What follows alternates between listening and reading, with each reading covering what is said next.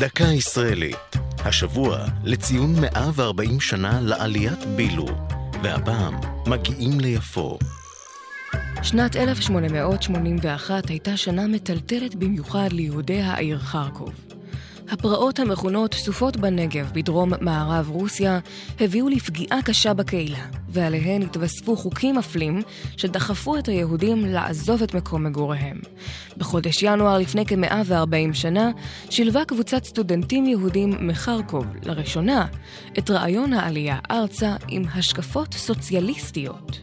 הם קראו לעצמם בילו, ראשי התיבות של פסוק מספר ישעיהו. בית יעקב, לכו ונלכה. ובשישה ביולי אותה שנה הגיעו 14 מהם לנמל יפו.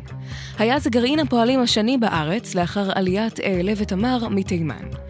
חברי הקבוצה התפרנסו בקושי מעבודת אדמה בבית הספר החקלאי מקווה ישראל ובראשון לציון, וניהלו חיי קומונה. בלטו בקרבם ישראל בלקינד, הדוקטור חיים חיסין ויעקב שרתוק, אביו של משה שרת, לימים ראש ממשלת ישראל. ככל שגדל הגרעין הבילויי בארץ, התעצמו המחסור והמחלות שהובילו לעזיבת רבים. אולם, תנועת בילו השאירה חותם אדיר בהקמת המושבה גדרה, ובהיותה אבן דרך בעלייה הראשונה. זו הייתה דקה ישראלית על עליית בילו ומגיעים ליפו. כתבה והפיקה ענבל וסלי, ייעוץ הפרופסור אניטה שפירא, עורך ליאור פרידמן.